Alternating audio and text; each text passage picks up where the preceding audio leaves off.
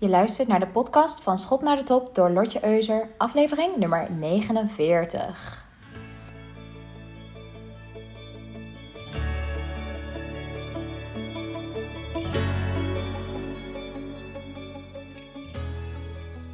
Welkom allemaal. Hopelijk hoor je momenteel niet te veel geboor op de achtergrond. We zijn hier in de straat ontzettend druk.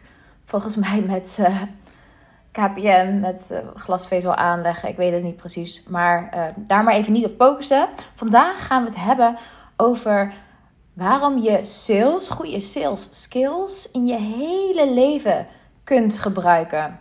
Als je het woord sales hoort, dan denk je natuurlijk direct aan business en dergelijke. En aan nieuwe klanten aantrekken en meer verkopen en dergelijke. Maar sales kun je eigenlijk door je hele leven trekken.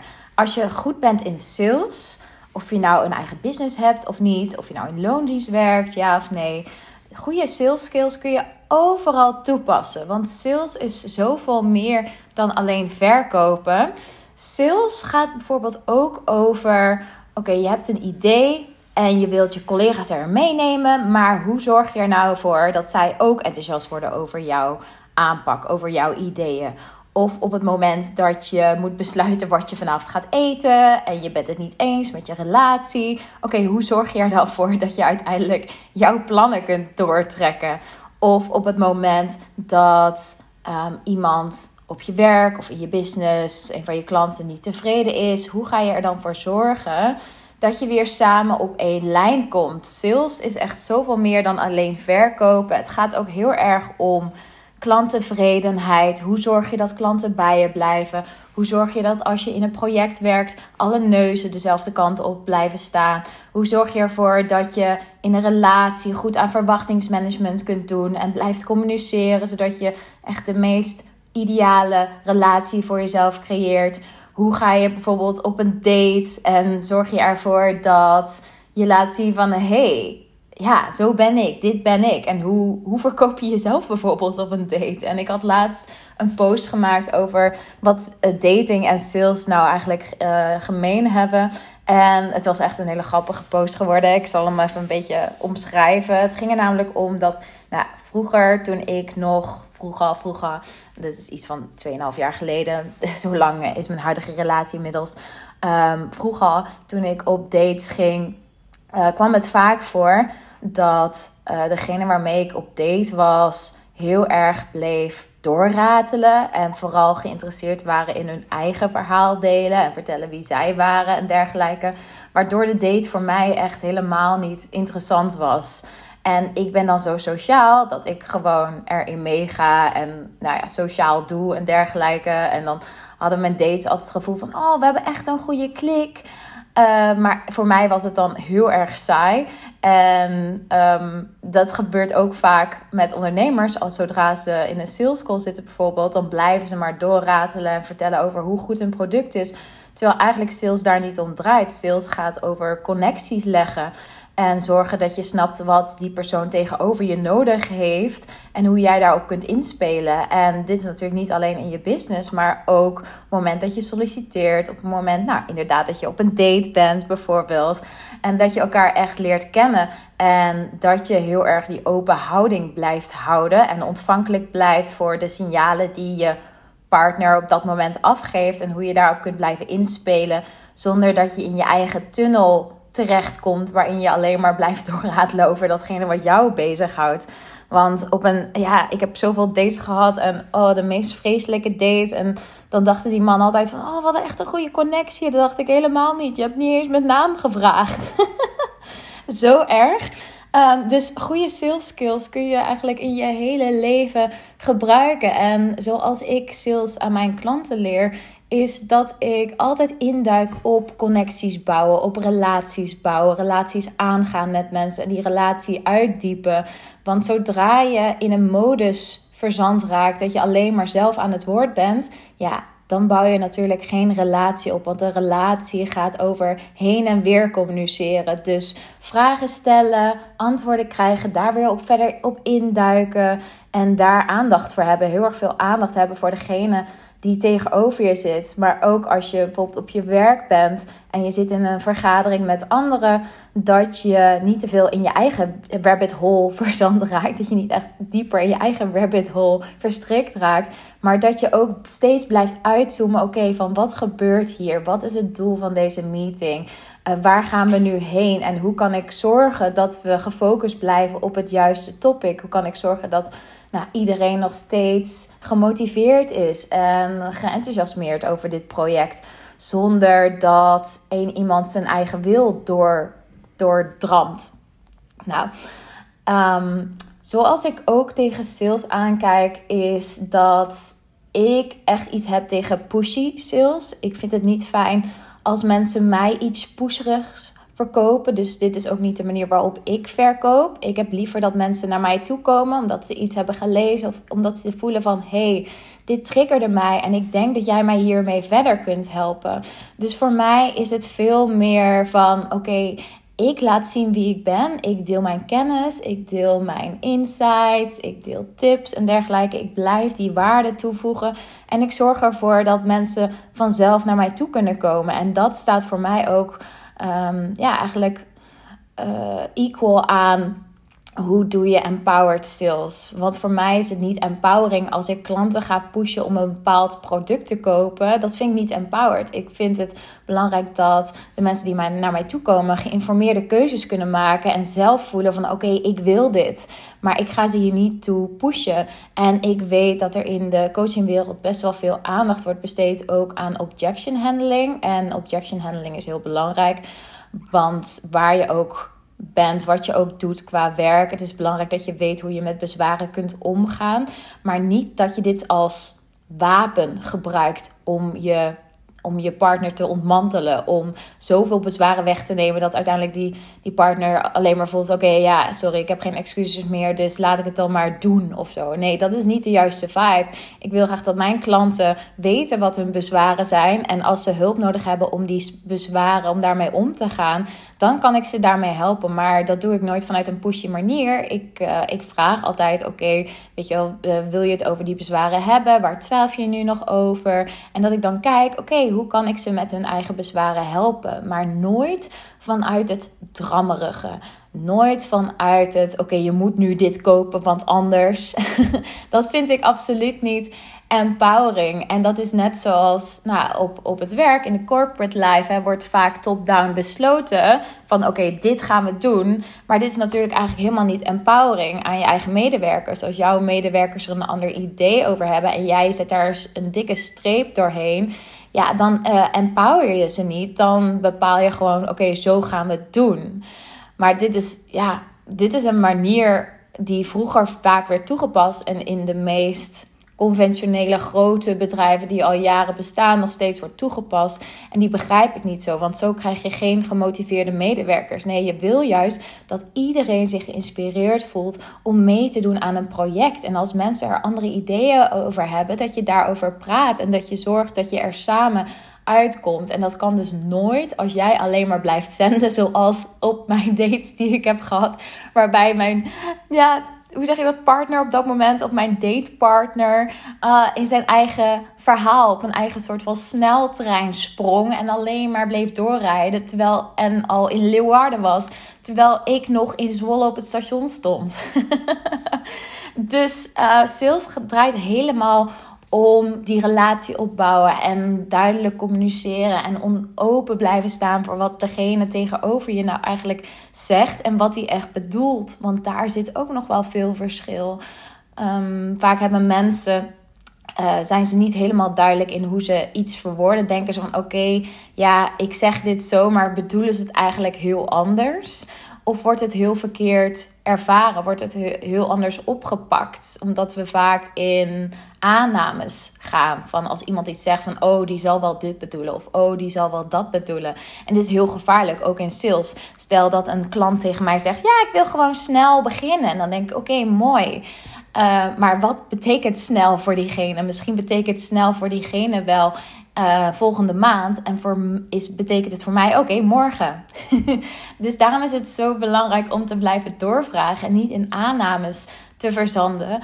Omdat hetgene wat wordt gezegd en wat daadwerkelijk wordt bedoeld, vaak zo uiteen kan liggen. Het is ook gewoon lastig om de juiste woorden te vinden om onszelf uit te drukken. Ik heb daar soms ook nog wel eens moeite mee. Nu ik ook deze podcast opneem, ben ik ook aan het zoeken naar de juiste woorden om jullie zo duidelijk mogelijk te maken wat ik bedoel. En wat ik bedoel met sales. En wat ik bedoel met empowered sales. En wat ik bedoel als ik zeg: hey, je kunt deze skills in je hele leven toepassen. Nou is bijvoorbeeld je salarisgesprek is ook een hele mooie vorm van sales. Oké, jij hebt misschien een doel voor jezelf gesteld dat je naar een bepaald salaris wil groeien dit jaar. Oké, hoe ga je dat doel bereiken en hoe ga je het gesprek aan? Hoe bereid je dat voor? Hoe ga je laten zien van hé, hey, ik ben dit bedrag helemaal waard en kijk eens wat ik dit jaar allemaal al voor elkaar heb gebokst. Dat is allemaal sales. Dat is allemaal jezelf verkopen. Dat is allemaal laten zien waar je voor staat, hoe goed je bent, ehm, waar jouw kennis en talenten het, het best benut kunnen worden en dergelijke.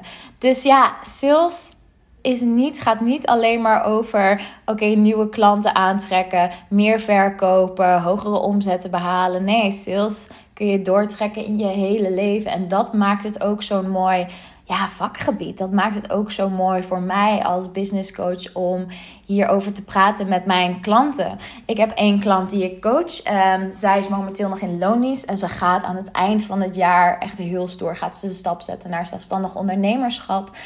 En toen we elkaar spraken in de sessie, toen was ze super enthousiast. En zei ze, ja, ik ga het gewoon bekendmaken op mijn werk. En ik ga er helemaal voor. En toen sprak ik haar twee weken later op Foxer. En toen zei ze van, ja, ik ben toch wel een beetje bang voor de reacties van uh, mijn collega's. Hoe ze erop gaan reageren. En ondertussen hoorde ik dus eigenlijk iets anders van. Ik dacht van, oké, maar wat is hier nu gebeurd? Dat er zo'n gap zit tussen hoe wij de coaching sessie afsloten en hoe je nu, wat je nu tegen me vertelt op Voxer. Uh, dus ik vroeg aan haar: Oké, vertel me even, met wie heb jij afgelopen tijd allemaal gepraat over jouw plannen?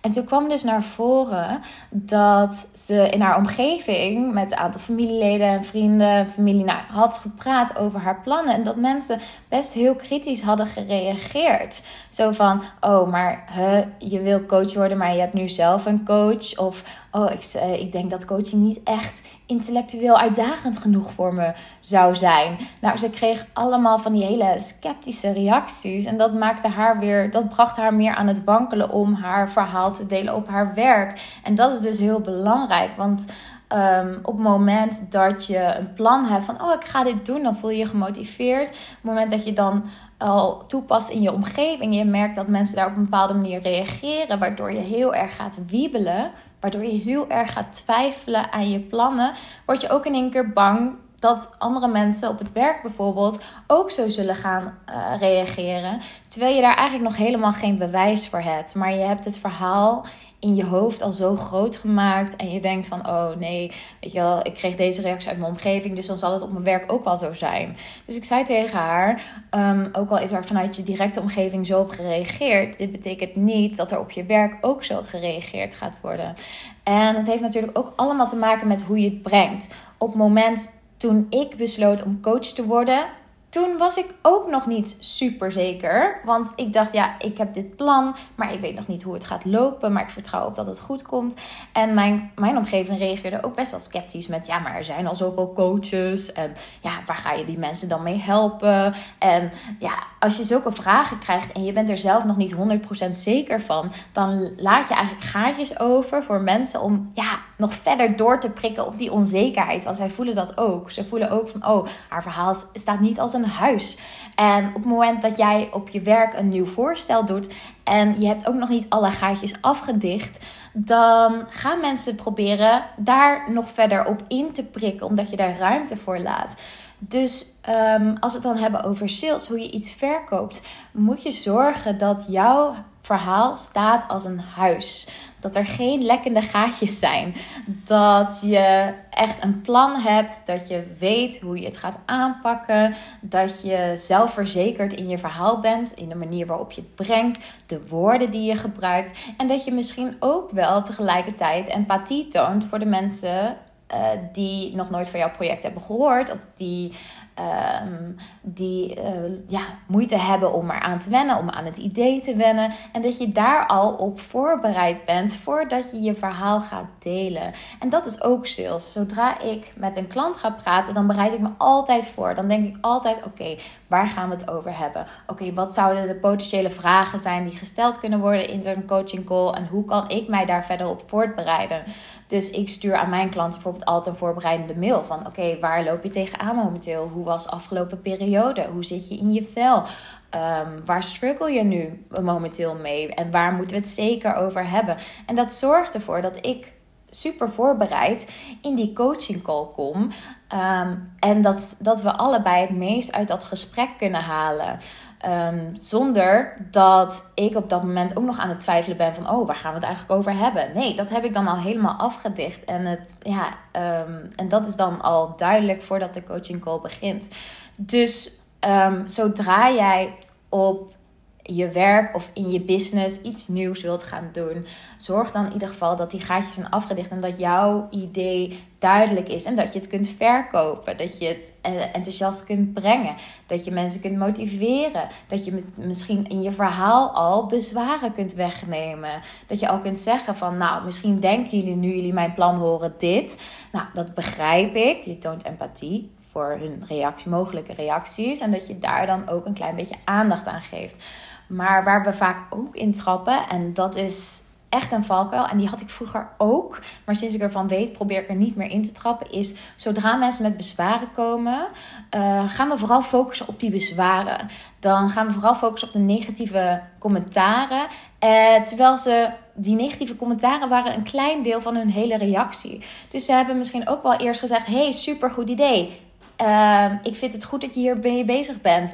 Maar, en dan horen we eigenlijk niets meer van wat er voor die maar is gebeurd. En tappen we helemaal, zoomen we helemaal in op dat negatieve gedeelte. Omdat dat in één keer het sterkst, de sterkste emotie in ons oproept. Omdat ons dat triggert. Maar ik wil je aansporen om juist te gaan focussen op de positieve commentaren van mensen. En die juist uit te vergroten. Dus minder aandacht te geven aan de negativiteit.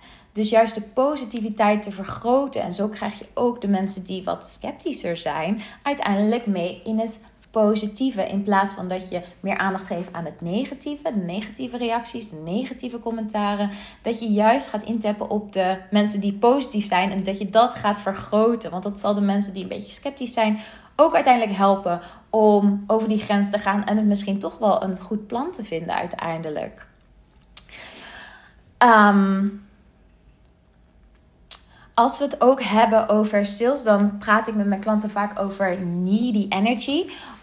En jezelf over proberen te verkopen. Want dat is ook nog wel een valkuil van velen. Dat we zo graag ons idee willen verkopen. Dat we een beetje in die needy energy komen. En dat we gaan overcompenseren. Dus dan of we gaan ratelen. Nou, zoals bij mij op dates is gebeurd. Of we gaan um, bijvoorbeeld, we staan niet meer open voor vragen. We, we zetten het al neer als een voldongen feit, terwijl het misschien nog work in progress is. En, uh, of we gaan mensen stalken. We gaan aan, elke dag aan mensen vragen. En heb je er al over nagedacht? Heb je er al over nagedacht? En uh, dan kom je echt in die needy energy. Omdat je zo graag die ja wil. Je wil zo graag de mensen om boord komen. Je wil zo graag dat jouw plan doorgaat. Dat je eigenlijk ja, een beetje in die stalkerige energie komt. Het is net zoals dat je iemand op date meevraagt. En diegene heeft het druk bijvoorbeeld. En dan ga je elke dag op je mind sturen. En heb je daar over nagedacht? En weet je al wanneer je kunt? Weet je wel? En dan, ja, dat is dus niet aantrekkelijk. Zo maak je jezelf niet aantrekkelijk. Uh, als je in die needy energy komt, dan acteer je eigenlijk vanuit een hele kwetsbare hoe zeg je, onzekere positie. Want je laat zien, ik vertrouw er eigenlijk niet op dat het wel goed komt. En dan geef je mensen ook niet de ruimte om een empowered besluit te maken. Dus um, als je momenteel iets verwacht van je omgeving, je hebt iets gevraagd, er komt geen reactie op en je voelt echt de need om elke dag te gaan reminden, kijk dan eens naar jezelf. Kijk eens vanuit welke energie je dat zou willen doen. En is dat dan die needy energy, omdat je je super onzeker voelt over de uitkomst? En kun je dan besluiten: oké, ik stap even terug in mijn eigen veiligheid. Ehm, ik zak daar even dieper op in. Wat er ook wordt besloten. Ik ben oké. Ik ben niet afhankelijk van dit besluit. Het doet er niet toe voor mijn eigen, voor mijn eigen zelfwaarde. Maar ik kan gewoon vanuit een uh, plek van vertrouwen en rust. Ehm, ja, het antwoord. Uh, wachten op het antwoord. Nou is het natuurlijk niet goed dat, uh, dat mensen dan nooit meer bij je in de lucht komen of zo. Maar ik denk dat je het voor jezelf snel genoeg aanvoelt wanneer je in needy energy vervalt en wanneer niet. Zo had ik bijvoorbeeld vroeger, nou, toen ik uh, nog in loondienst heel veel deals sloot voor mijn baas. Dan soms lag er echt een hele grote deal op tafel. En dan hield ik mezelf terug om elke dag te gaan vragen. En heb je dit al besloten? En heb je dit al besloten? Maar dan, dan sprak ik echt met mezelf af. Oké, ik ga ze twee weken de tijd geven. En daarna kom ik weer bij die klant terug. En soms kan het ook zo zijn dat je met de klant afspreekt. Oké, hoeveel tijd hebben jullie nodig om hierover na te denken? En dan geeft dat je voor jezelf ook heel veel rust. Of als je bijvoorbeeld een afspreekt met je partner om op vakantie te gaan, dat je dan zegt: Oké, eh, ik merk dat je nu te druk bent en je partner denkt niet mee of die is met hele andere dingen bezig. Ik had het laatst met mijn eigen partner. We moesten een vakantie uitzoeken en uh, die jongen is zo snel afgeleid. En ik werd daar een beetje, ik kwam ook een beetje needy energy. Dus ik vroeg elke dag, en heb je er al naar gekeken? En heb je er al naar gekeken? En ehm, ja, dan ga je dus een beetje in die pushy energy ook zitten. Dan ga je iemand pushen om het te doen. Nou hebben sommige mannen, no offense, hebben dat nodig. Maar um, ik sprak met hem af, oké, we gaan in de komende twee weken gaan we een besluit nemen. En als dat niet lukt, dan gaan we zorgen dat we iemand in de, in de hand, in de arm nemen om, uh, om onze vakantie uit te zoeken. En dat was een super goed besluit. Want dan wist ik van oké, okay, komende twee weken of we gaan het samen doen. Of daarna hebben we hebben de afspraak gemaakt dat we gewoon iemand inhuren die de vakantie voor ons uitzoekt. Nou, uiteindelijk kwam het op, uh, hebben we een reisagent ingeschakeld. Super fijn. Het is nog work in progress. Um, maar we gaan samen lekker op vakantie in september. En het wordt waarschijnlijk iets van Portugal. Dus ik heb er mega zin in. Het is ook weer een tijd geleden dat ik op vakantie ben geweest. Ik was zo druk afgelopen jaar met mijn business opstarten. En ik, wilde, ik was zo lekker in de flow bezig. Dat ik dacht, oké, ik wil nu gewoon doorpakken, doorpakken. Um, maar het is nu gewoon tijd om weer even lekker ertussenuit te gaan. En mezelf erkenning te geven. En mezelf wat rust te gunnen en dergelijke. Dus ik kijk er helemaal naar uit. Dus jullie horen nog wel wat de vakantiebestemming uiteindelijk gaat worden. Uh, maar dit is een hele fijne afspraak, omdat het hem ruimte gaf. Het gaf ons ruimte om te kijken van gaan we samen een vakantie zoeken. En daarna was het gewoon duidelijk, oké nee, dan besteden we het uit als het ons niet lukt. Nou ja, en that's the deal.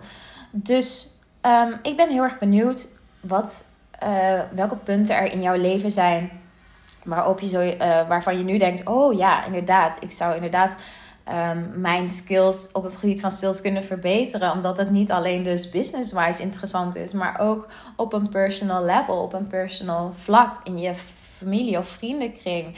Of um, misschien doe je wel werk bij een vereniging en dergelijke. En is het daar ook belangrijk dat mensen goed kunnen samenwerken en wil jij daar misschien een nieuw initiatief starten en wil je kijken, oké, hoe kan ik nou die mensen het beste meenemen in dit initiatief? Goede sales skills, goed kunnen communiceren, sterke vragen stellen, uitzoomen op de situatie wanneer je merkt van, oh, ik raak er veel te veel in meegetrokken.